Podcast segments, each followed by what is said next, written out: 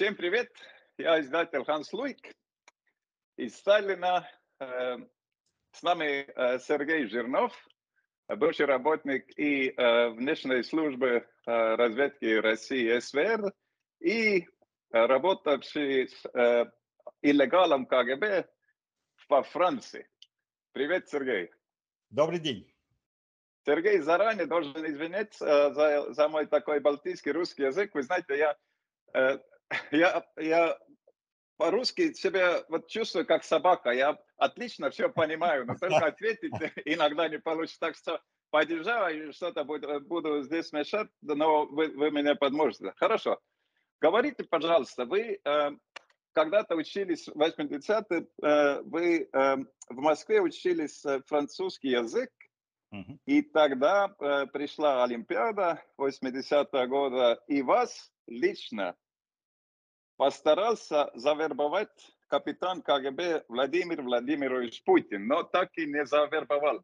Как это было? Вот, коротко, если можно.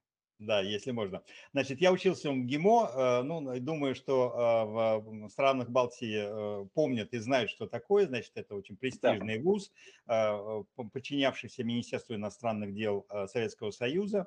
А, я изучал французский язык, а, а мы в то время учили в Советском Союзе иностранные языки как мертвые языки как если бы э, это был э, лати, латинский язык, и греческий, и, и старогреческий, или египетский какой-нибудь язык. То есть учить-то мы их учили, а пользоваться ими нельзя было. И вдруг пришла Олимпиада, 80-й год. Значит, нас всех, естественно, привлекли к работе в Олимпиаду. Я надеялся, что буду работать гидом-переводчиком с какими-нибудь французами. В результате этого ничего не получилось. Меня посадили на справочную службу, телефонную. А, вот помните, была такая служба 09 позвонить, чтобы помню, телефон, помню. телефон узнать. Вот эта служба, она сидела на Калининском проспекте в Москве. Нас посадили, сделали там отдельные телефоны э, на иностранных языках. Там было пять языков. Английский, французский, немецкий, испанский, итальянский, по-моему. Вот. И мы сидели и надеялись, что нам будут звонить. А нам никто не звонил потому что у всех делегаций были свои переводчики, которые были, кстати, э, все агентами КГБ или офицерами КГБ. Вот, и поэтому никому, никому звонить никуда не надо было. А вы тогда еще никаким э, агентом Нет. никем не были? Просто Нет. учились французский язык и все? Да. Хорошо, и, и в один прекрасный день или ночь звонок, да? Да, и, и значит, проходит звонок, звонит какой-то француз любопытный. Ему было просто любопытно посмотреть, что это за служба такая. Он попадает на меня. Для, для меня это был первый француз, с которым я вообще вживую разговаривал на французском языке. И первый э, француз. Это, понимаете, ну, я не знаю, как вот если бы вы были астрономом, да, и вдруг э, вам позвонил бы марсианин, да, то вот как э, ваше ощущение, если вам ну звонит вот марсианин, то все, ну вы, сколько можно с ним разговаривать, вы будете с ним разговаривать. Ну и сколько, сколько длился звонок этот? Этот звонок длился больше двух часов. А вы сами понимаете, что справочные службы обычно звонят, э, спрашивают телефон, вы его даете, ну, да, через, через 20 секунд э, вы вешаете, да. вешаете трубку. А тут два часа мы с ним разговариваем на иностранном языке, никто ничего не понимает. Сидит человек трепится на иностранном языке, смеется, рассказывает и так далее. Все это дело, естественно, вызвало огромное э, напряжение на этой службе. И уже э, я это, я, безусловно, не знал, но когда там час уже прошел, они просто позвонили в КГБ, начальнице этой службы, и сказала, вот у нас тут ЧП какой-то, у нас идет какой-то разговор на иностранном языке, мы ничего не понимаем, приезжайте, разбирайтесь. И когда мы, значит, э, я э, все-таки э, прекратился этот разговор, я повесил трубку, меня вызывают в кабинет этой начальницы, там сидит человечек маленький, метр шестьдесят ростом в сером костюмчике, который говорит, вызыв... показал мне красную книжечку, книжечку, сказал, значит, Комитет государственной безопасности, поехали со мной, следуйте за мной.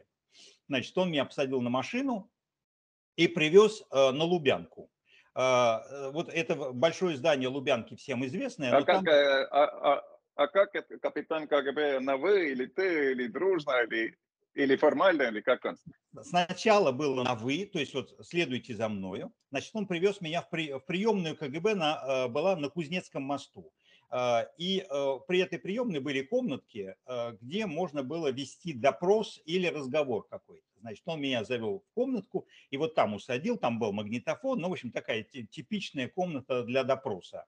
Вот. Он, значит, представился, значит, капитан Владимир Владимирович Путин. А, и, а, конечно, никто его не знал, я тем более не знал, я вообще не знал, что это такое.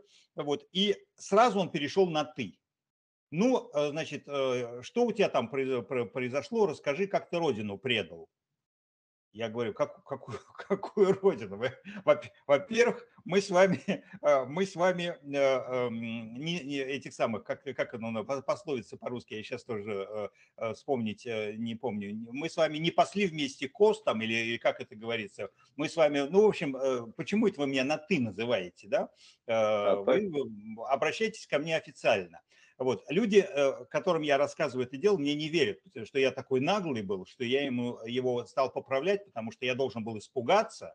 КГБ, допрос, э, меня привезли. Э, эти люди просто не представляют, что такое МГИМО.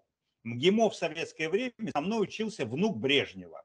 То есть мы в себе, себя считали, э, люди, которые учились в МГИМО. Андрюша Брежнев. Андрюша, Андрюша Брежнев, Брежнев да, со, со мной учился вместе на одном курсе. Ну и там прочие, там дети генералов, там дети членов ЦК КПСС, дети министров, внуки министра, внучка Патоличева со мной училась министра э, внешней торговли и так далее. То есть мы себя да, считали как, вообще... Как, как, как, таких уже не тыкаешь, да? Конечно, мы себя считали вообще, ну я не знаю, если на западный язык переводить, мы себя считали там, я не знаю, аристократами. Да, то есть, ну, ну как вот э, лондонский полицейский сказал бы лорду какому, какому-нибудь ты, ну хотя в английском языке нет различия между ты ну, и ладно, вы. ладно, пройдем да. тогда. Э, э, э, Владимир Владимирович э, тогда обращался опять на вы или, как? Да, да, да он, пере, он перешел так. на вы, э, начал формально соблюдать все процедуры, этого самого допроса. Вот. И он, он не пытался меня вербовать, кстати, он пытался меня посадить он пытался меня посадить в тюрьму. То есть он, грубо говоря, начал э, сразу мне э, проводить мысль, что я либо шпион французский, либо диссидент, который связался с иностранной разведкой. То есть вообще он мне стал, э, грубо говоря, эм, вешать на спину дело о шпионаже в пользу страны НАТО, Франции. Вот. А, и, и я тогда это понять не мог, я это понял только тогда, когда он стал директором ФСБ. Вот когда в 1998 году его объявили директором ФСБ, я посмотрел что-то знакомое, да. Фамилию, конечно, я уже так. забыл, не помнил, да, это я уже вспомнил потом. Вот. А, и а, я тогда понял, как, почему он вел так допрос. Потому что он работал в Ленинграде, он работал в провинциальной службе КГБ и хотел переехать в Москву, и хотел переехать в э, службу а, внешней разведки. Чин, чин да, получить, получить погоны новые, и поэтому его задача была э, раскрутить меня. И, Хорошо, да. так, тогда речь шла о, о книгах. Да. О дети Арбата, да? Как это?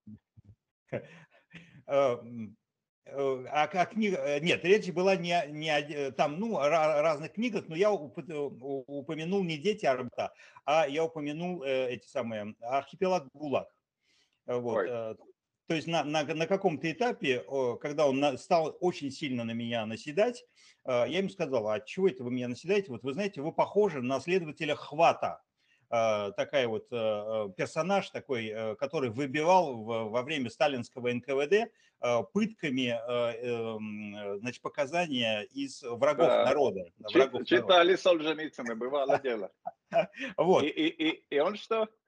А он, естественно, у него ушки на макушке сразу, потому что Солженицын, запрещенная литература в то время была, считалась антисоветская книга, и за нее можно было посадить в тюрьму уже просто вот за чтение этой книги. Вот. И он все, он э, даже не понял, что это я его в ловушку, это я ему ловушку расставил.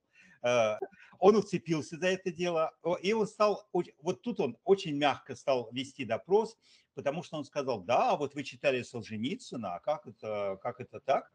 Я говорю, ну как, а мы же э, борцы идеологического фронта МГИМО, мы же должны за границу ехать, а за границей нам надо быть в курсе того, что обсуждают иностранцы. Поэтому, да, я читал э, «Архипелаг ГУЛАГ». А он сказал, а кто вам эту книжку дал почитать? Можете мне назвать э, этого человека? Вот, а я говорю, конечно могу, какие проблемы-то? И, и здесь он за, э, прям затрясся весь, замер.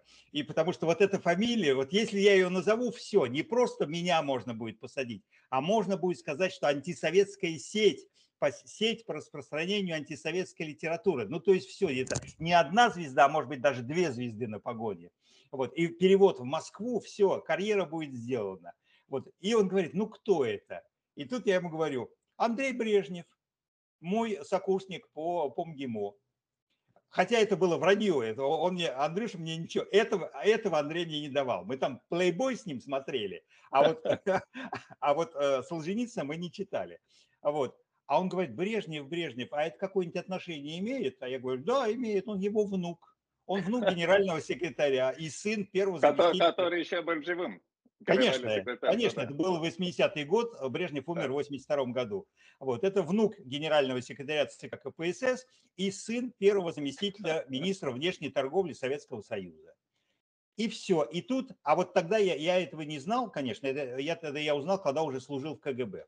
Э, когда э, э, были какие-то процедуры, процедуры расследования в КГБ, как только появлялась фамилия члена Политбюро или члена ЦК, эта процедура должна, подлежала немедленному закрытию.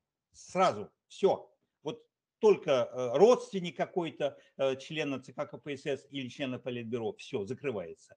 И тут вот я увидел, что вот у него сразу изменилось лицо, потому что он понял, что все, облом. И все расстались, все? И все, и все расстались. Ну, он, конечно, там еще э, сказал мне какие-то гадости, и ничего из этого не получилось. Потому а что... он, кстати, вот вы говорите, вы с ним в машину, там э, в кабинет его. Э, какая машина? Он сам водителем был или нет, на не Волгах? Сам, не на Волгах это, был, это была служебная Волга. Она ага. была с шофером, то есть там вот оперативник, что. оперативник сидел за рулем, и он сидел вторым человеком, а я сидел сзади ну, не совсем арестованным, но их было двое в машине, а я один. Хорошо. Ладно, пойдем дальше. Тогда вы э, участвовали в радиоигре Викторина, что ли, э, в Радио Франс Интернационал. Да. На французском языке, там вы э, должны были гадать какое-то слово, очень длинное какое-то было слово. Расскажите, когда вас вербовали, наконец? Значит, это произошло буквально через 4 месяца после этой э, первой встречи с КГБ моей. Э, после Олимпиады я начал слушать французское радио. Его не глушили, потому что оно было по-французски.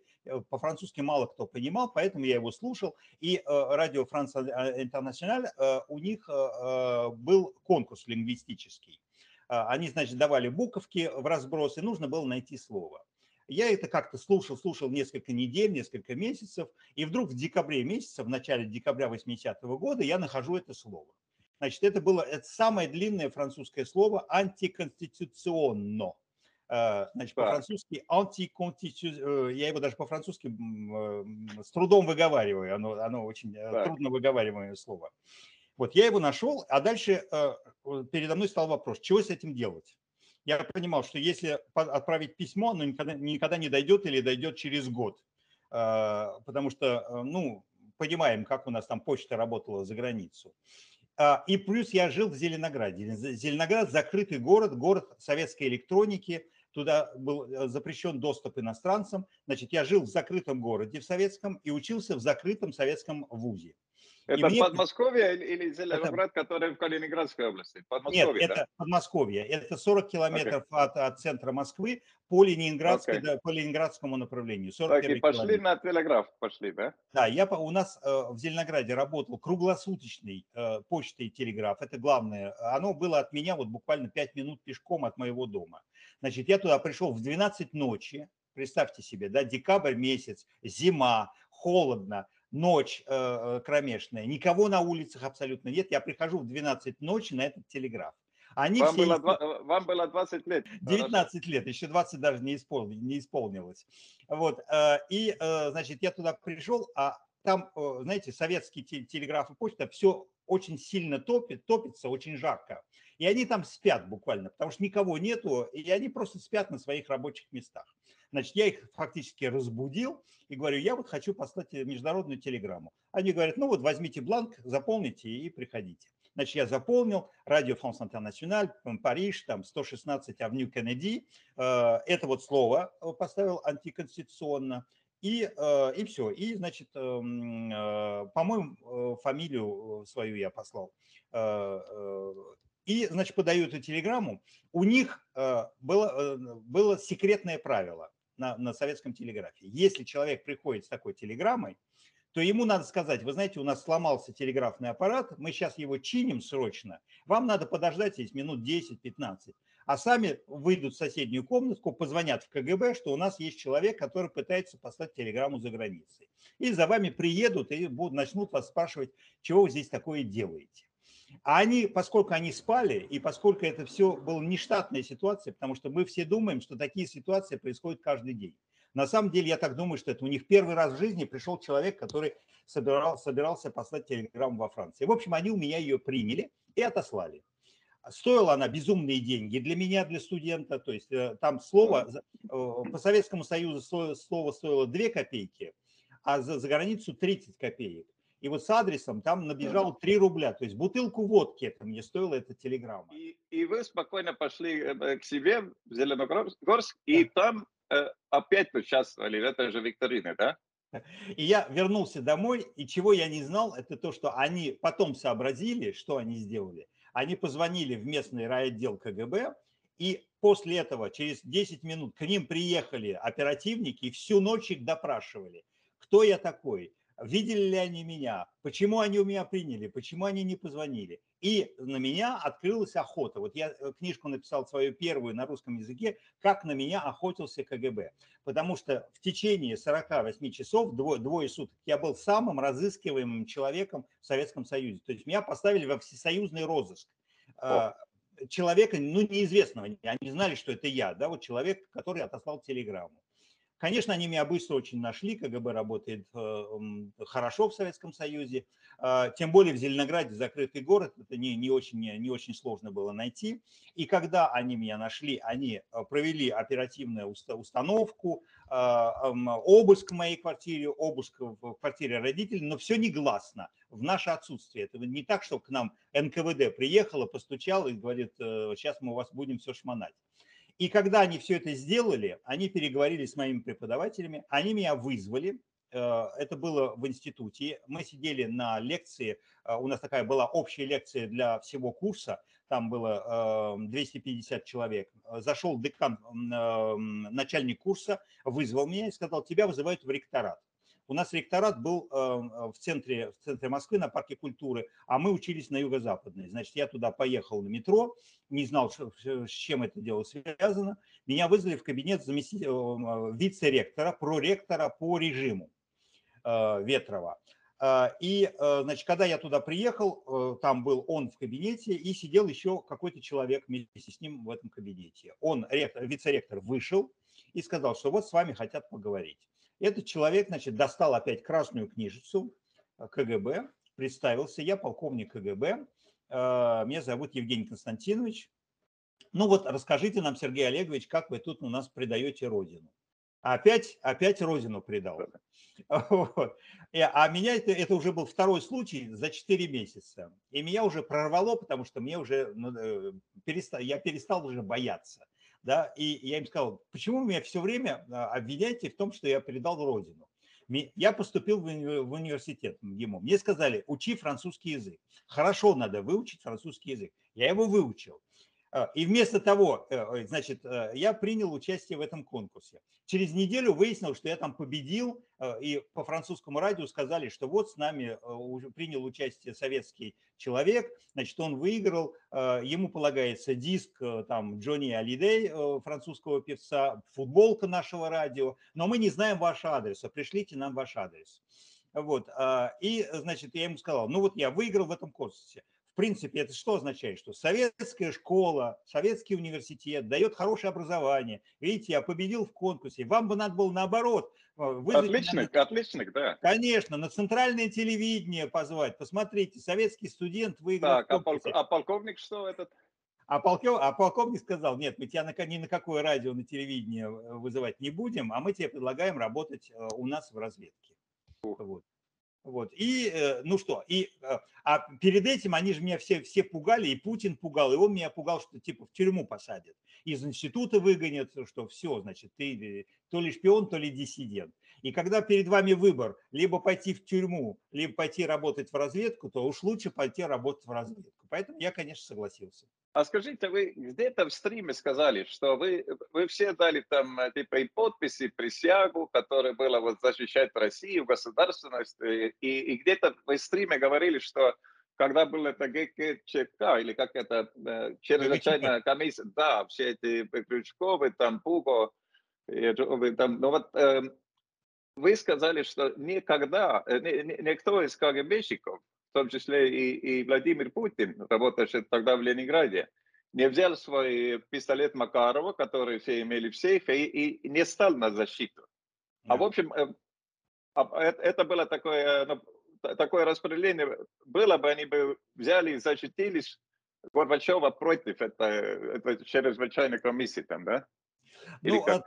там немножко сложнее была, была ситуация, а, потому что, да, мы все подписывали бумагу, то есть бумага была такая, это не Россия, а Советский Союз, потому что это был да. Советский Союз. Бумага такая, я, ниже подписавшийся, а, а, вступаю в сотрудничество с Комитетом государственной безопасности и обязаюсь, обязуюсь э, выполнять все, что от меня требуется, и отдам все свои усилия, а если понадобится и жизнь, за защиту идеалов коммунистической партии Советского Союза. Вот так, такая была, значит, э, типа текст этого, э, ну, примерно присяги.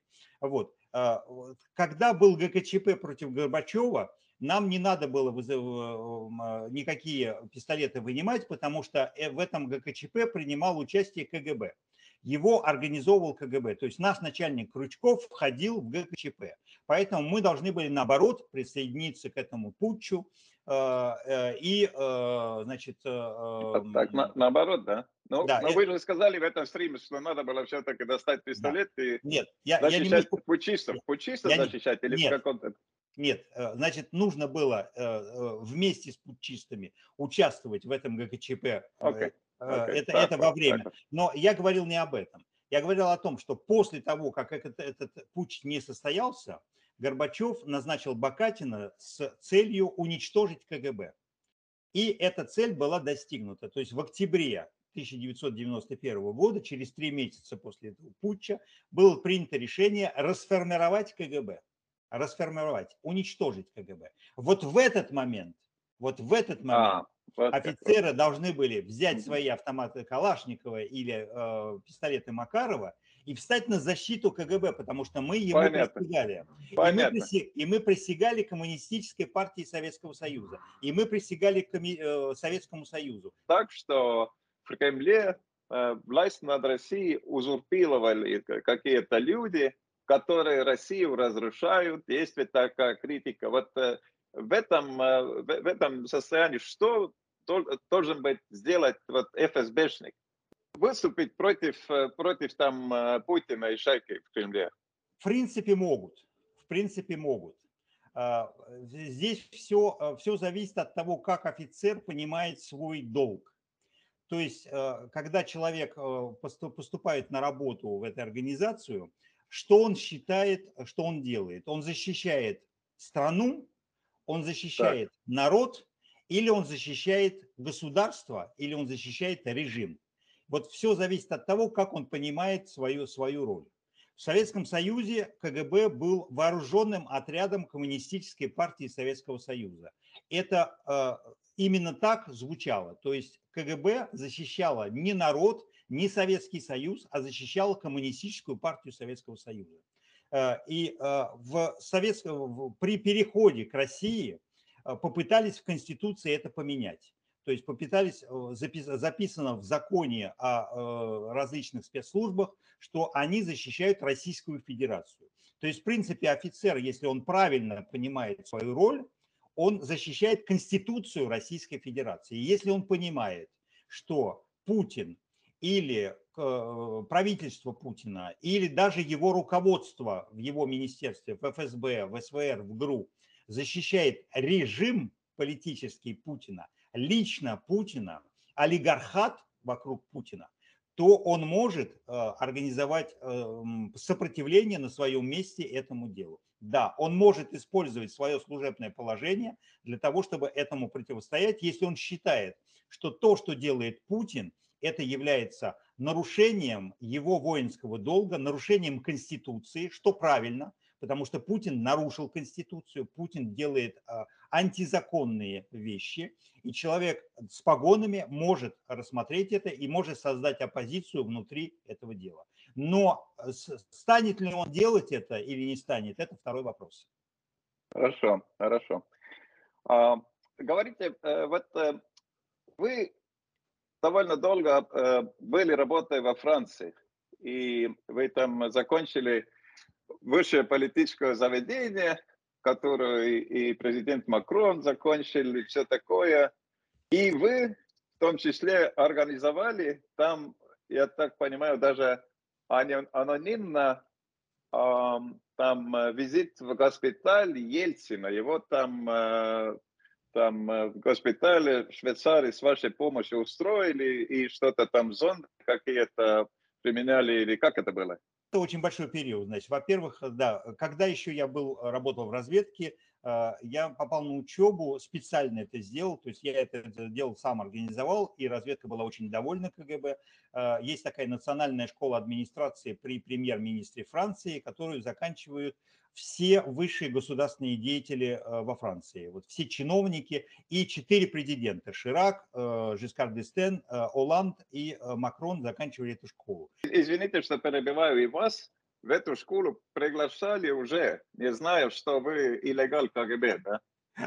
Да, вот это, это отдельный разговор, это, было очень Сами смешно. французы себе позвали да. нелегала КГБ. Да, да. Это, Высшую это, школу, ну, ну, это, ну да, ну да. Это, это было очень смешно, потому что, значит, я, конечно, приехал туда как журналист советский, э, э, приехал для того, чтобы просто написать, сделать о них репортаж, и после двух часов этого репортажа они мне сказали, вы знаете, вот у нас в этом году мы первый раз можем пригласить советского человека не хотели бы вы у нас учиться? Я, конечно, как вы понимаете, как шпион КГБ сказал, конечно, я хочу у вас учиться. А, Сергей, а вопроса такого не задавались? Какие у вас отношения с властью, там, КГБ, может, нет? Нет, не, зада не задавались.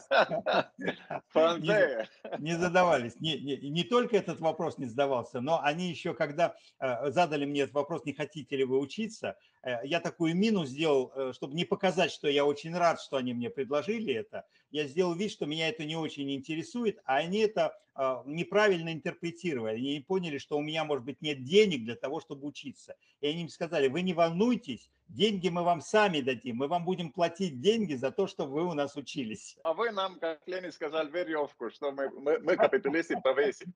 Ну хорошо, ну, ну, ну потом да. говорите о, о Борисе Эльсине, президент. Да. Он перед выборами в 90-х, он был да. Э, так слаб, что нужна была операция, да? Да. Значит, э, я уволился в 92 году, перешел на работу э, просто в международные отношения, э, работал в Швейцарии, и в Швейцарии я занимался тем, что организовывал визиты российских богатых людей в Швейцарию, лечение в швейцарских клиниках и так далее. Значит, это был 96 год. 96 год я работал, значит, с этим делом, и я работал с медицинским центром управления делами президента. Это то, то что раньше в советское время было четвертое главное управление Минздрава, которое занималось здоровьем членов Политбюро, членов ЦК и всей советской номенклатуры. Она, все это, эта структура осталась, э, ЦКБ, там, я не знаю, Сивцы, Вражек, э, э, улица Грановского, все, все эти заведения остались, они перешли подчинение аппарата президента Российской Федерации, Ельцин тогда был болен. Были э, выборы в 1996 году, у него не было никаких шансов избраться, у него было 2% в феврале месяце. Мы все помним эту историю с олигархами, когда там, помните, э, коробки из-под ксероксов миллионами долларов подкупали людей, чтобы они голосовали за Ельцина, а семья Ельцина и олигархи боялись, что он умрет просто во время этой кампании. У него очень плохо было с сердцем. И тогда мне поступал, поступил запрос секретный от, этой, от этого медицинского центра сделать, организовать ему операцию на сердце секретно за границей. Э, и э, операцию должны были проводить, э, ну, не мне одному такую, такую задачу поставили, мне поставили задачу в Швейцарии. Значит, э, я организовал поездку туда первого заместителя э, директора этого медицинского центра. Э, нашли клинику, есть очень хорошая клиника Женулье под Женевой. Там был очень хороший хирург, американец, кардиолог, очень сильный хирург. И все это практически подготовили, готовы. Они сказали, что вы можете его привести под вымышленное имя, фамилии, самолет в Женеву, сразу скорая помощь, мы его на операционный стол, и через 48 часов он будет на ногах. Вот. Но когда все это было подготовлено, и как, но когда это было подготовлено, семья испугалась. И испугалась в том смысле, что а если вдруг что-то не так пойдет, да, а, а если вдруг осложнение будет какое-то, мало того, что значит он может умереть на этом столе, да, или после операции, не выдержать, да, бывает тромб какой-нибудь бывает после операции, это риск большой, да, и плюс, если к тому же это произойдет в Швейцарии, то это большой скандал, как это президент секретно лечится в Швейцарии и так далее. И они сами отменили это дело, сказали, опасно, конечно, но будем, э, давайте переживем э, эту президентскую гонку э, с тем здоровьем, которое у него есть, и затем ему сделали эту операцию, если вы помните, в сентябре 96 года в Москве, в центре Лео Бакерия, с которым, кстати, когда мы готовили операцию с швейцарцами, мы с ними встречались со всеми и в Москве, и в Швейцарии, вот, и ему сделали в итоге эту операцию на сердце в, Шве... в Москве. Давайте говорить, э, говорить с вами о Франции. У них э, во Франции а, серьезная разведка. Я вот помню, что в 2003 году, когда мы все в Восточной Европе рвались туда, в Ирак, вместе с Соединенными Штатами, потому что нам хотелось очень присоединиться к НАТО, этого не надо было делать. И тогда президент Франции Жак Ширак говорит, что вы зря не использовали прекрасная возможность молчать. Потому что у, у Франции была разведка. Они знали, что арабы там в Ираке не имеют никак, никаких там э, средств массового, массового истребления, ничего, что это все блеф, все блеф э, президента Буша и, и, э, и министра э, Колина Пауэлла. Но а сейчас о, о России у них хороший, хорошая картина, точно, или они не обладают такими разведчиками хорошими там? Значит, если сравнивать э, разные разведки, во Франции хорошая разведка. Во Франции хорошая разведка, но не очень большая. То есть вот у американцев, у россиян э, огромные штаты э, разведки, огромные бюджеты, особенно у американцев. И поэтому, конечно, они эм, обладают очень большими возможностями. Французы такими возможностями не обладают но у них они эффективны в том смысле, что они с маленьким своим, сравнительно маленьким аппаратом, они довольно хорошо отслеживают конкретные вещи, которые их интересуют. То есть у них разведка в этом смысле, вот тот эпизод, о котором вы рассказываете, они тогда, э, начиная с 2000 года, создали свою космическую разведку. У них очень хорошо, хорошо, хорошо работает космическая разведка. И они знали точно, что э, никакого оружия этого нету, что американцы блефуют э, со своими снимками, и поэтому они правильно вам сказали, что не надо в это дело ввязываться. Вот, в этом смысле и с тех пор ничего не изменилось в худшую сторону, разведка у них работает. Вот, а разведка у них, кстати, военная, ошиблась в том смысле, что оно, она говорила то же самое, что говорил я в феврале месяце, что Путин не начнет эту войну, но не потому, что мы не понимали, что э, он, э, э, не, потому, что мы ошибались, а потому что наоборот, мы считали, что с военной точки зрения он не готов к этой войне. И мы были правы. То есть мы знали заранее, что если он начнет эту войну, она не состоится, он не победит ничего. Вы все в Западе переоценили его интеллектуальные способности. Да, да. То есть мы считали, что он, да. мы считали, что он человек рациональный, да, то есть э, что он человек логический, что он человек э, рационально оценивающий свои возможности, а он оказался человеком эмоциональным и э, человеком идеологическим. То есть не зная Э, что у него реально, какие возможности, он влез в эту войну. И, кстати, по этому поводу, как только он в нее влез, я сразу сказал, что он ее проиграет, эту войну. А, всем ведомо, что э, при пуске ядерного оружия, там где-то слоев 4 или 5, командных слоев, где-то человек минимум 12 должны присутствовать в этом процессе. Mm-hmm. И очень мы все хотели бы верить, что эти люди, как вот как, как одно целое, они не будут нажимать на кнопку. А вот я, давайте я такой э, вопрос задам. Если он начал, э, э, назначал командиров, генералов, которые спокойно бомбят там госпитали, там частные люди, которые эвакуируются, стреляются танками по приказу командира танка, не стрелкова какого-то там Разве, разве Путин не нашел каких-то, я не знаю, там э, водителей, шоферов э, бывших э, ФСП, уже, которые уже ставлены на эти 12 мест и будут радостно нажать на кнопку, потому что думают, что это благо, и они пойдут в рай, а мы все куда-то в иное место. Да, они, конечно, вы правы в этом смысле. То есть те, кому нужно нажать на кнопку, они на нее нажмут без всяких проблем. И в этом смысле вы абсолютно правы, потому что они исполняют приказы, э, понимая, что это приказы преступные, но они, кстати, себе не задают просто таких вопросов даже.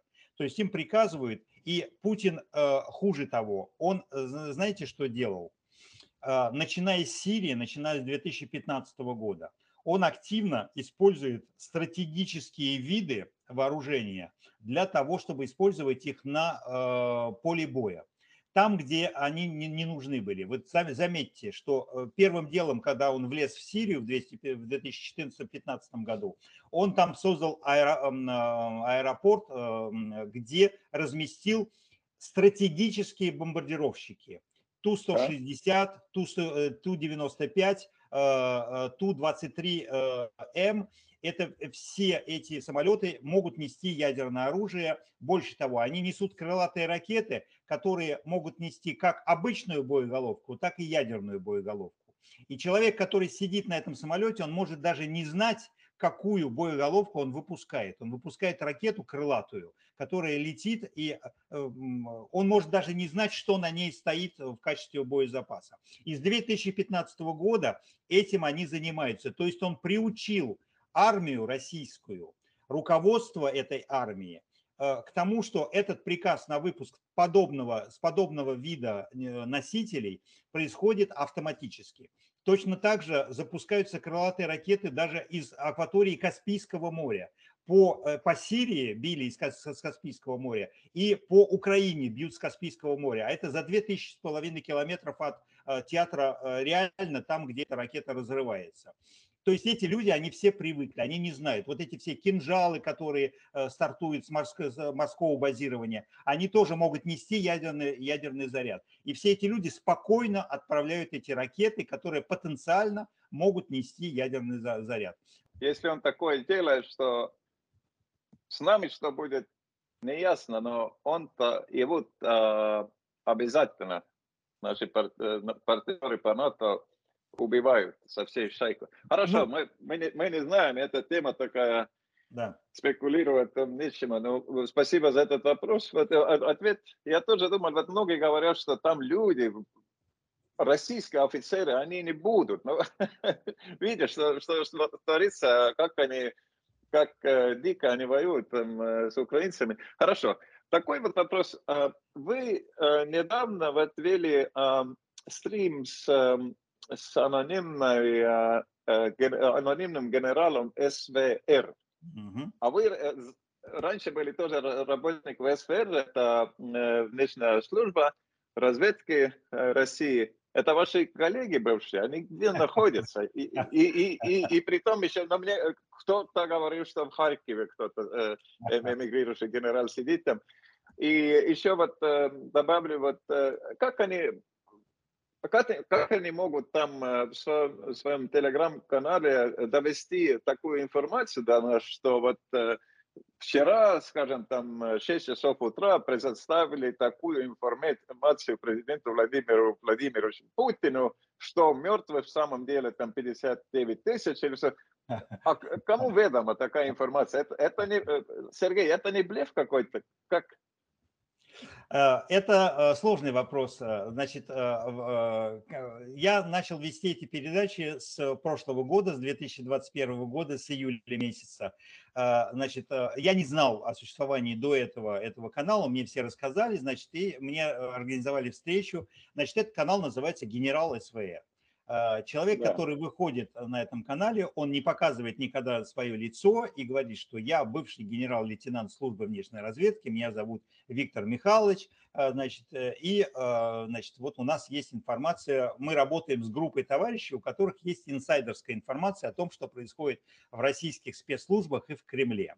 Я к этому проекту отношусь, относился довольно иронически, и рассматривал его не как реального человека, который говорит, что вот я генерал СВР, потому что проверить это сложно. Он мне не, не говорил свою фамилию, я не знаю, кто он такой.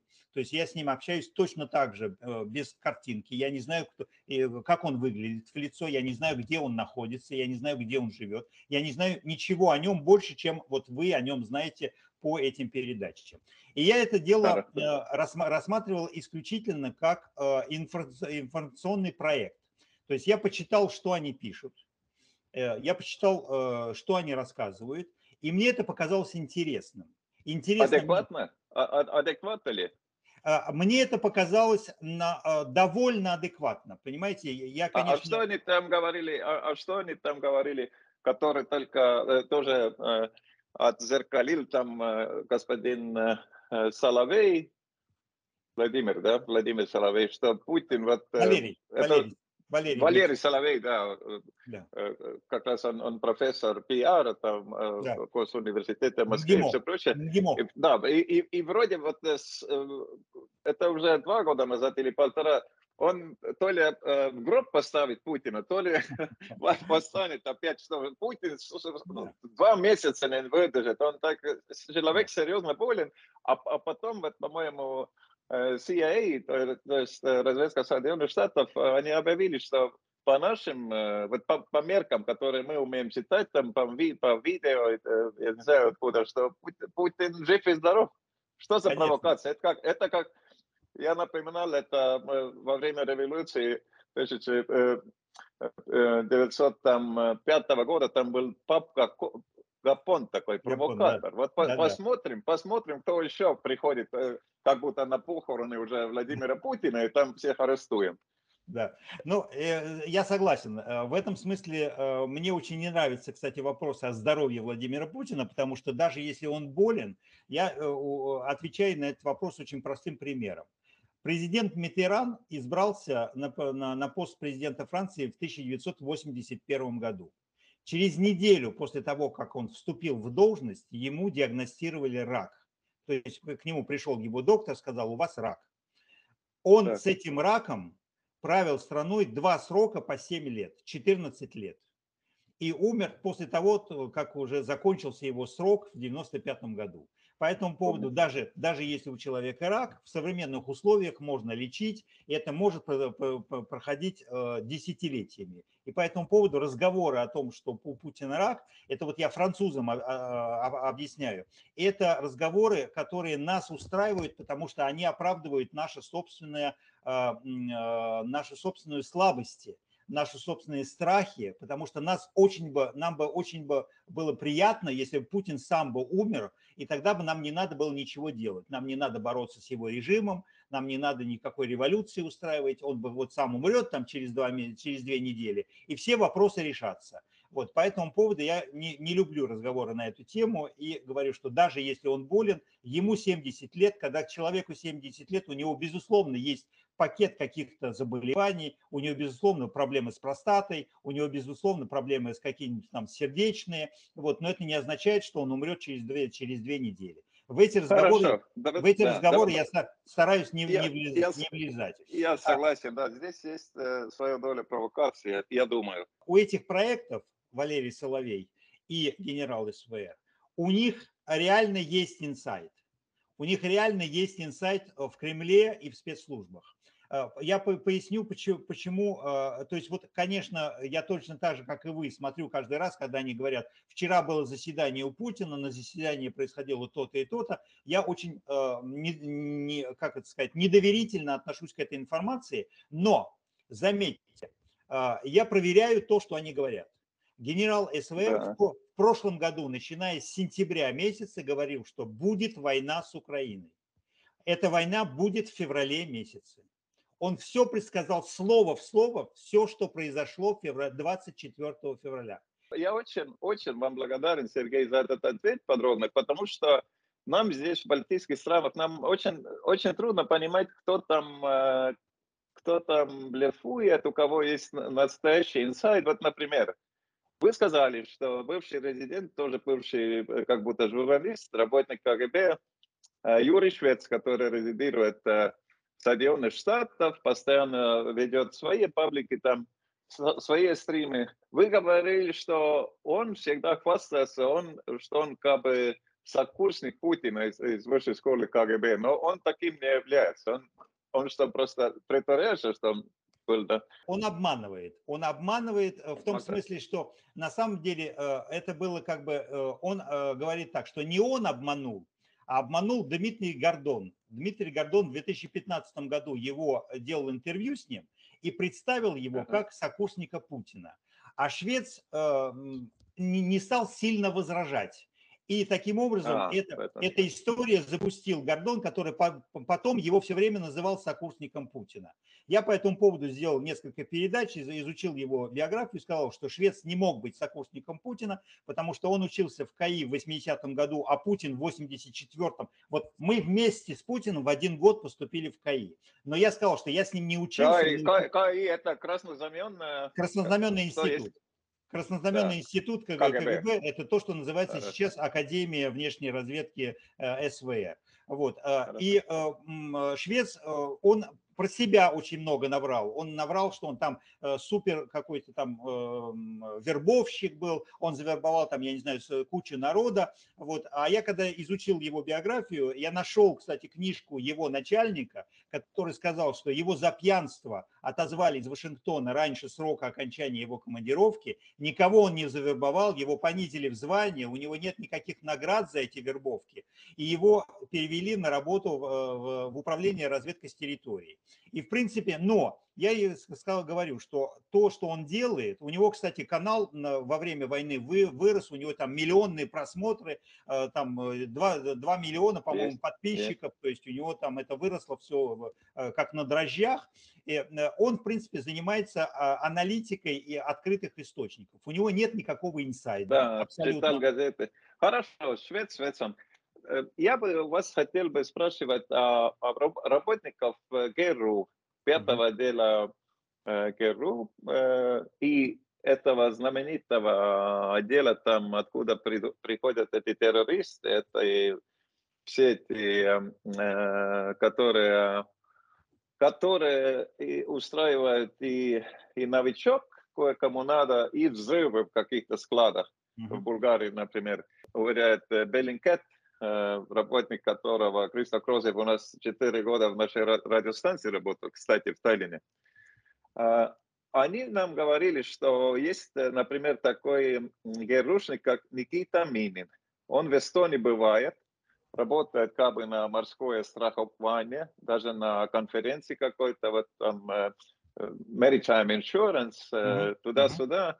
И в Литве, например, ходит такой, такой товарищ, как Данил Степанов, uh-huh. который вот э, недолго до того, как в Булгарии хотели э, этого торговля с оружием убивать, но не доубивали, да? И, ну, как, а в Чехословакии какой-то взрыв был, опять склад э, боеприпасов, предназначенных для Украины, взрывался. Что это люди могли э, бы искать у нас э, в балтийских странах? Они уже какое-то газ, газ совершили или подготавливаются, они вербуют или сами что-то делают своими руками, кто-то исчезает или типа... Путин человек из КГБ. Путин человек из КГБ, в этом смысле он э, за 20 лет своего пребывания в власти увеличил в несколько раз уровень шпионажа против западных стран. То есть нынешний уровень шпионажа российского в два раза э, выше, чем э, в Советском Союзе, а поскольку Советский, э, Россия всего лишь половина от Советского Союза, то есть относительно Советского Союза уровень шпионажа российского в четыре раза выше, чем в Советском Союзе. В Советском Союзе во время холодной войны. Представляете, какой, какой уровень шпионажа? Поскольку все эти люди, их тысячи в ГРУ, в ФСБ и в СВР, тысячи людей, которые занимаются шпионажем. Им нужно всем что-то делать. Поэтому, если даже бы они ничего реально не делали, все равно эти тысячи человек приезжают в ваши страны и пытаются э, чего-то там получить. У грушников, ГРУ – это военная разведка. Их интересуют военные секреты, потому что ваши балтийские страны являются членами НАТО и вы являетесь на, э, вы стоите на э, первой линии обороны НАТО против Российской Федерации.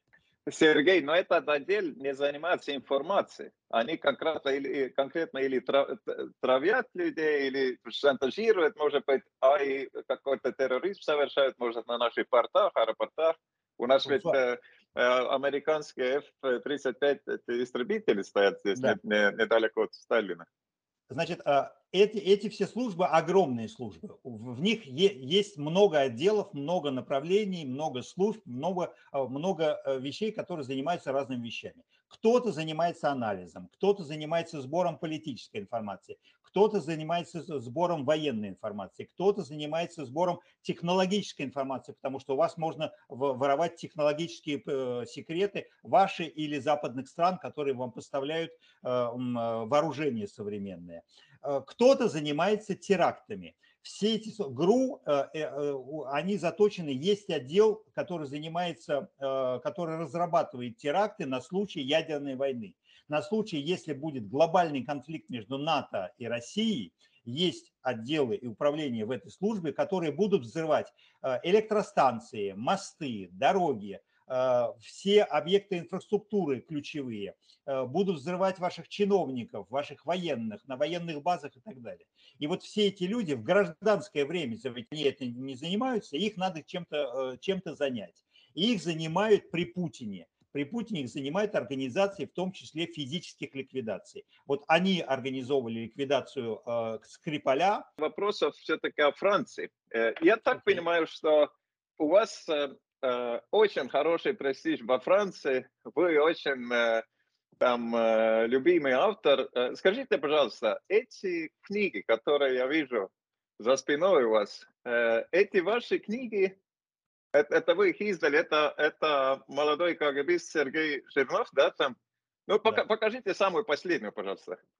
Самая последняя Если... книжка вот эта вот. Это, эта книга ага. вышла ага. 1 июня этого года. Это книга ага. про украинскую войну, про анализ э, украинской э, войны Путина.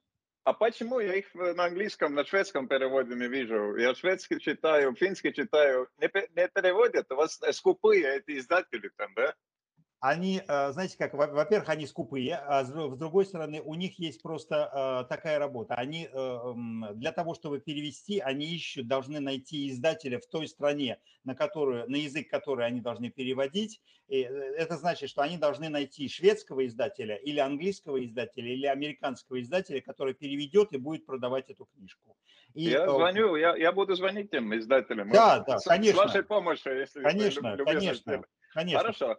Вы, вы когда-то писали, я вот э, какие-то ресурсы на, на русском языке прошел у вас, вы когда-то писали интересную статью, которая, э, когда вот несколько лет назад были эти, эти, э, эти как это, вест, жил... Желтые жилеты. Желтые жилеты, да. И да. Вы, вы там писали, что французская пресса как-то игнорируя факт, что там работали методически какие-то вандалы, штук 400, может быть. Там могли бы какие-то активные мероприятия рус, русских спецслужб? Там не могли бы быть, а там были активные мероприятия русских Говорите, спецслужб. говорите да. подробнее. Значит, эта э, история, э, ну, во-первых, она э, была очень неприятной для нашего президента Макрона. Да? Он, у него тогда был первый, э, первый срок, он не ожидал, что будут такие, такие эм, манифестации. Эти манифестации были каждую субботу, каждую, каждую неделю в течение многих месяцев были манифестации. Очень часто они перерастали э, в какие-то стычки с полицией, э, причем довольно э, плохие, там раненые люди были, там даже была одна смерть, то есть, в принципе, это было очень все неприятно. И довольно быстро мы увидели, что за этим стоят в том числе и российские спецслужбы, потому что на всех этих манифестациях был канал Russia Today камеры Russia Today, и Russia Today вещала круглосуточно со всех этих да. манифестаций, показывала всю эту картинку без комментариев. Она давала всю эту картинку, э, особенно те места, где были самые жесткие стычки с полицией. Для этих манифестантов она стала тем каналом, который самый эм, э, для них радостный. А, значит, все остальные, они говорили, их цензурируют, их э, там, я не знаю, критикуют, а этот канал говорит без комментариев, все показывает картинку так а, а, э, Сергей, а среди этих манифестантов и вандалистов, вот. они тоже были агенты как это? И среди, э, ну, нет данных о том, чтобы вот какие-то российские люди конкретно что-то там били и что-то разрушали, но на этих манифестациях были замечены люди из ДНР, из ЛНР, из Донецка, из Луганска, все пророссийские неонацистские партии французские, которые э, связи э, с, Россией, у которых были очень крупные. Э, я вам напомню, что Национальный фронт Марины Ле Пен много лет финансировался российским банком. А, в 2017 году э, Путин принимал Марину Ле Пен в Кремле для того, чтобы повлиять на, на ее международный имидж, для того, чтобы она стала президентом. И вот, чуть... вот именно, вот именно. И, и этот вопрос э, кандидат президента Эммануэль Макрон очень ловко использовал против Ле Пена. Да. Да, и, да. И, и он выигрывал крупно, но в то же время не считаете ли вы, что эти постоянные телефонные разговоры, уже 100 часов набираются, э, Макрон с Путиным, а что они зря легитимизируют этого диктатора и маньяка. Да, конечно. Вот, кстати, вот в этой книжке я это дело анализирую очень подробно, и э, я объясняю, что почему Макрон этим занимается, почему он не понимает, что Путину нет смысла так часто звонить, значит, я рассказываю, что это прошло, началось с 2017 года, когда Макрон стал президентом. А, а, значит, тогда он не понял, кто такой Путин. И у Макрона, это удивительно совершенно, но у Макрона есть желание с 2017 года подружиться с Путиным. Он хочет с ним подружиться. Макрон совершенно непонятно почему.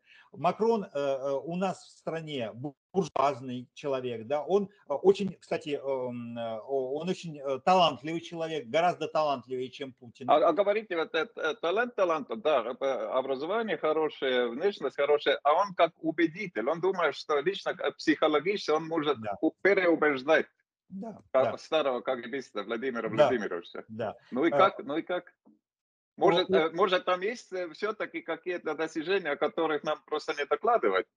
Э, знаете как, у него, во-первых, это его черта, черта характера, потому что он человек, поскольку очень талантливый, он переоценивает свои, свои таланты. И он, кстати, политик, когда он начал свою, свою работу как президент, он был нулевым политиком. Он все проиграл, все, что можно было проиграть до этих желтых жилетов. Его спасло Э, спасла э, пандемия ковида. Вот когда началась пандемия ковида, то у Макрона все изменилось в лучшую сторону. И у него есть почему-то убеждение внутреннее, что вот ни у кого, никто не понимает Путина, и, а он единственный сможет понять Путина и сможет найти дорожку к его э, к его да, душе да. какой-то. Вот помните, так, когда... Макрон это новый фрау Меркель, да, Путин, Путин Ферштейр. Хорошо. Я...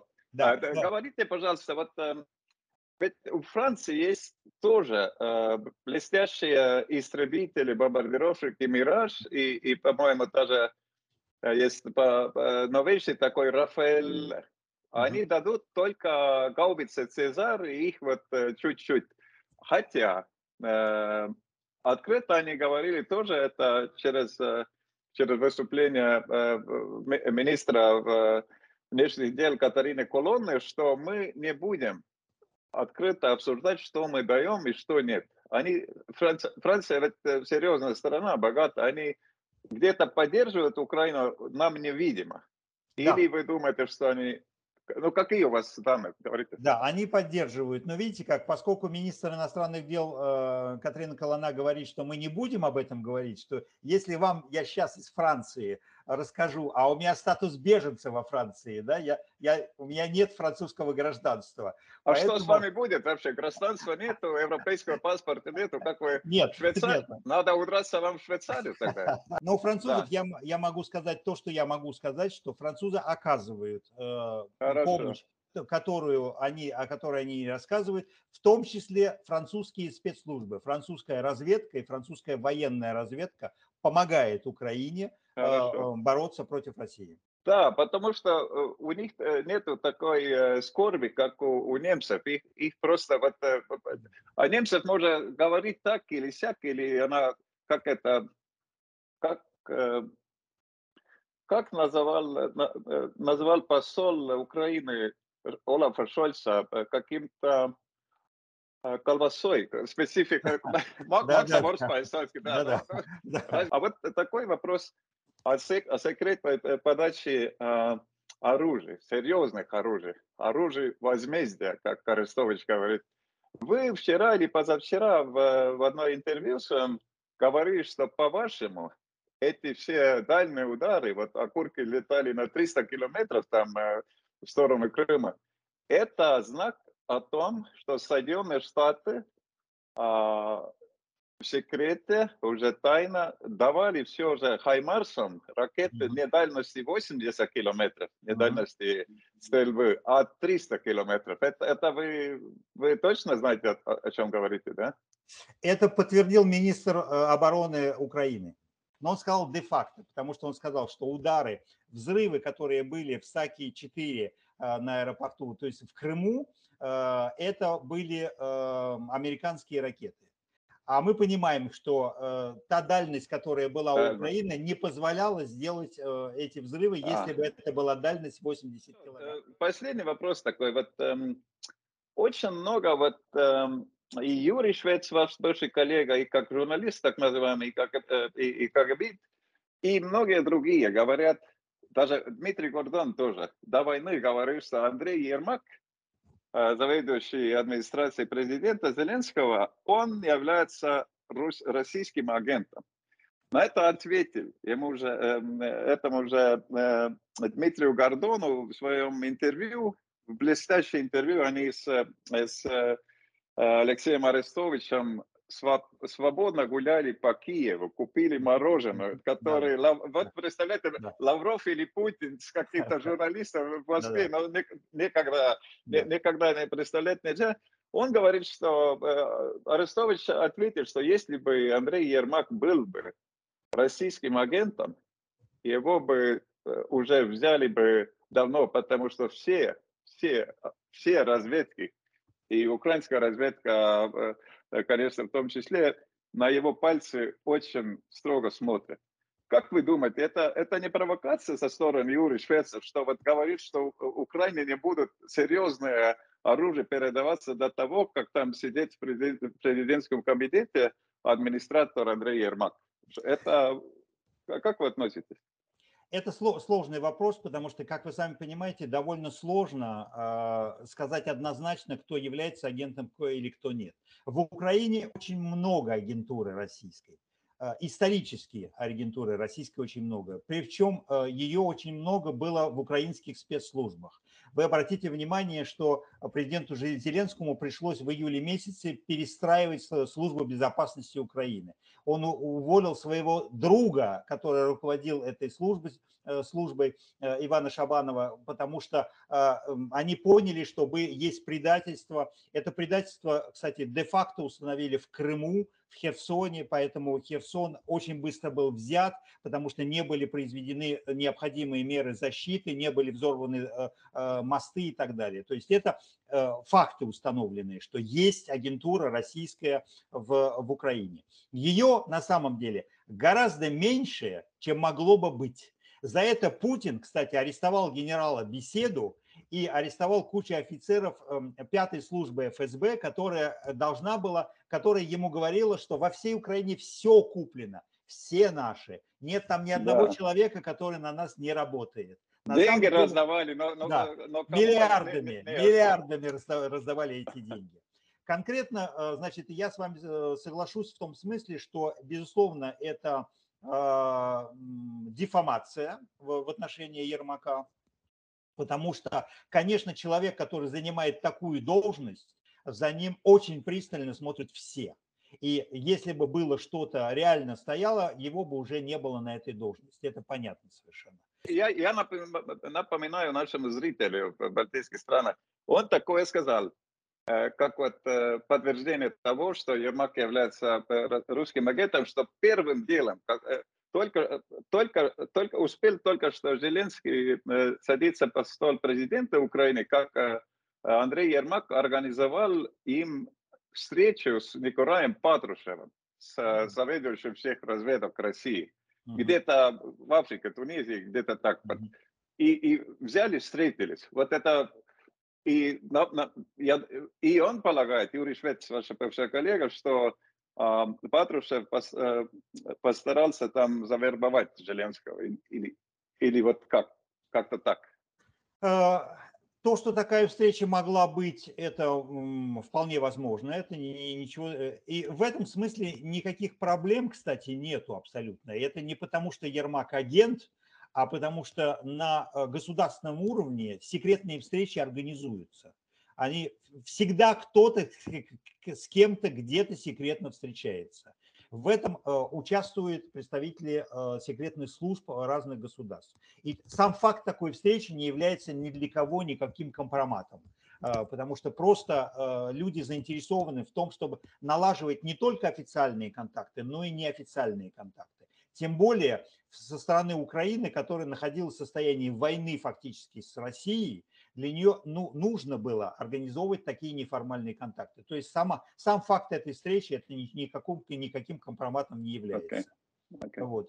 Вот и все. Это вот то, что я могу ответить. Э, а то, что Швец раскру, раскручивает эту тему, кстати, может доказывать, что Швец является агентом э, российской, российских спецслужб. Это так, да.